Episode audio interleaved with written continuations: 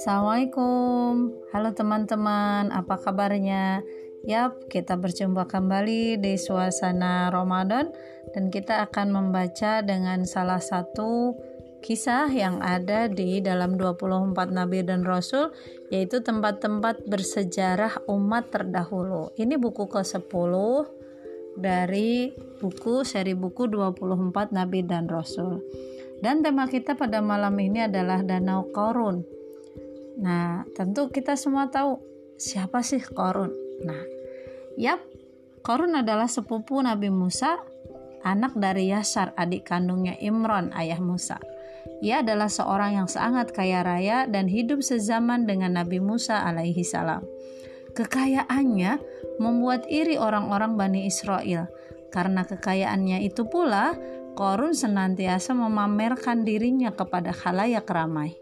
Bahkan, begitu banyak kekayaan yang dimilikinya sampai-sampai anak kunci untuk menyimpan harta kekayaannya harus dipukul oleh sejumlah orang-orang yang kuat. Karena kesombongannya inilah Allah benamkan dia korun bersama rumahnya ke dalam bumi. Tidak ada satu orang pun yang mampu menolongnya. Nah, kita pasti penasaran di mana sebenarnya danau korun ini. Di segmen selanjutnya kita akan tahu sebenarnya di mana Danau Korun ini. Menurut beberapa riwayat, lokasi tenggelamnya Korun beserta rumahnya ke dalam bumi itu terjadi di daerah Al-Fayyum, sekitar 90 km dari ibu kota Mesir, Kairo. Menurut penduduk setempat, nama danau itu adalah Bahirah Korun atau Laut Korun. Di sekitar Al-Fayyum ini yang tersisa hanya berupa puing-puing istana Korun.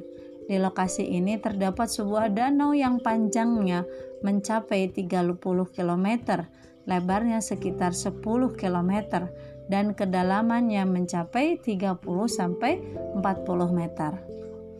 Kita bisa bayangkan betapa luasnya itu wilayah atau rumah istananya Korun, betapa kayanya Korun.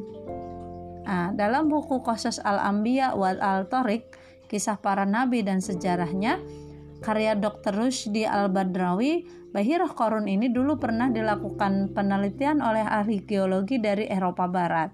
Setelah melalui pengkajian yang komprehensif, para peneliti itu berkesimpulan bahwa memang pada zaman dahulu kala benar terjadi di lokasi ini bencana berupa gempa bumi yang sangat besar terutama di bagian selatan Danau Korun.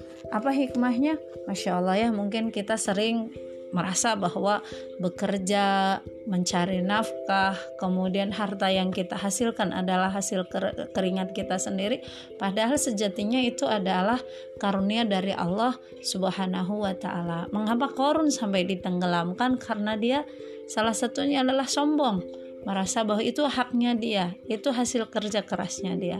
Dan semoga di musim pandemi ini kita semua bisa sedikit berbagi ke rekan-rekan kita ya, ke teman-teman kita yang sedang kekurangan. Mereka berhak yang sama atas apa yang kita miliki sekarang. Sekian, semoga kisah tentang Danau Korun ini atau di mana letak Al-Fayum 90 km dari Kairo itu bisa menjadikan kita berkaca diri bahwa sesungguhnya apa yang kita pegang hari ini adalah hanya titipan Allah semata.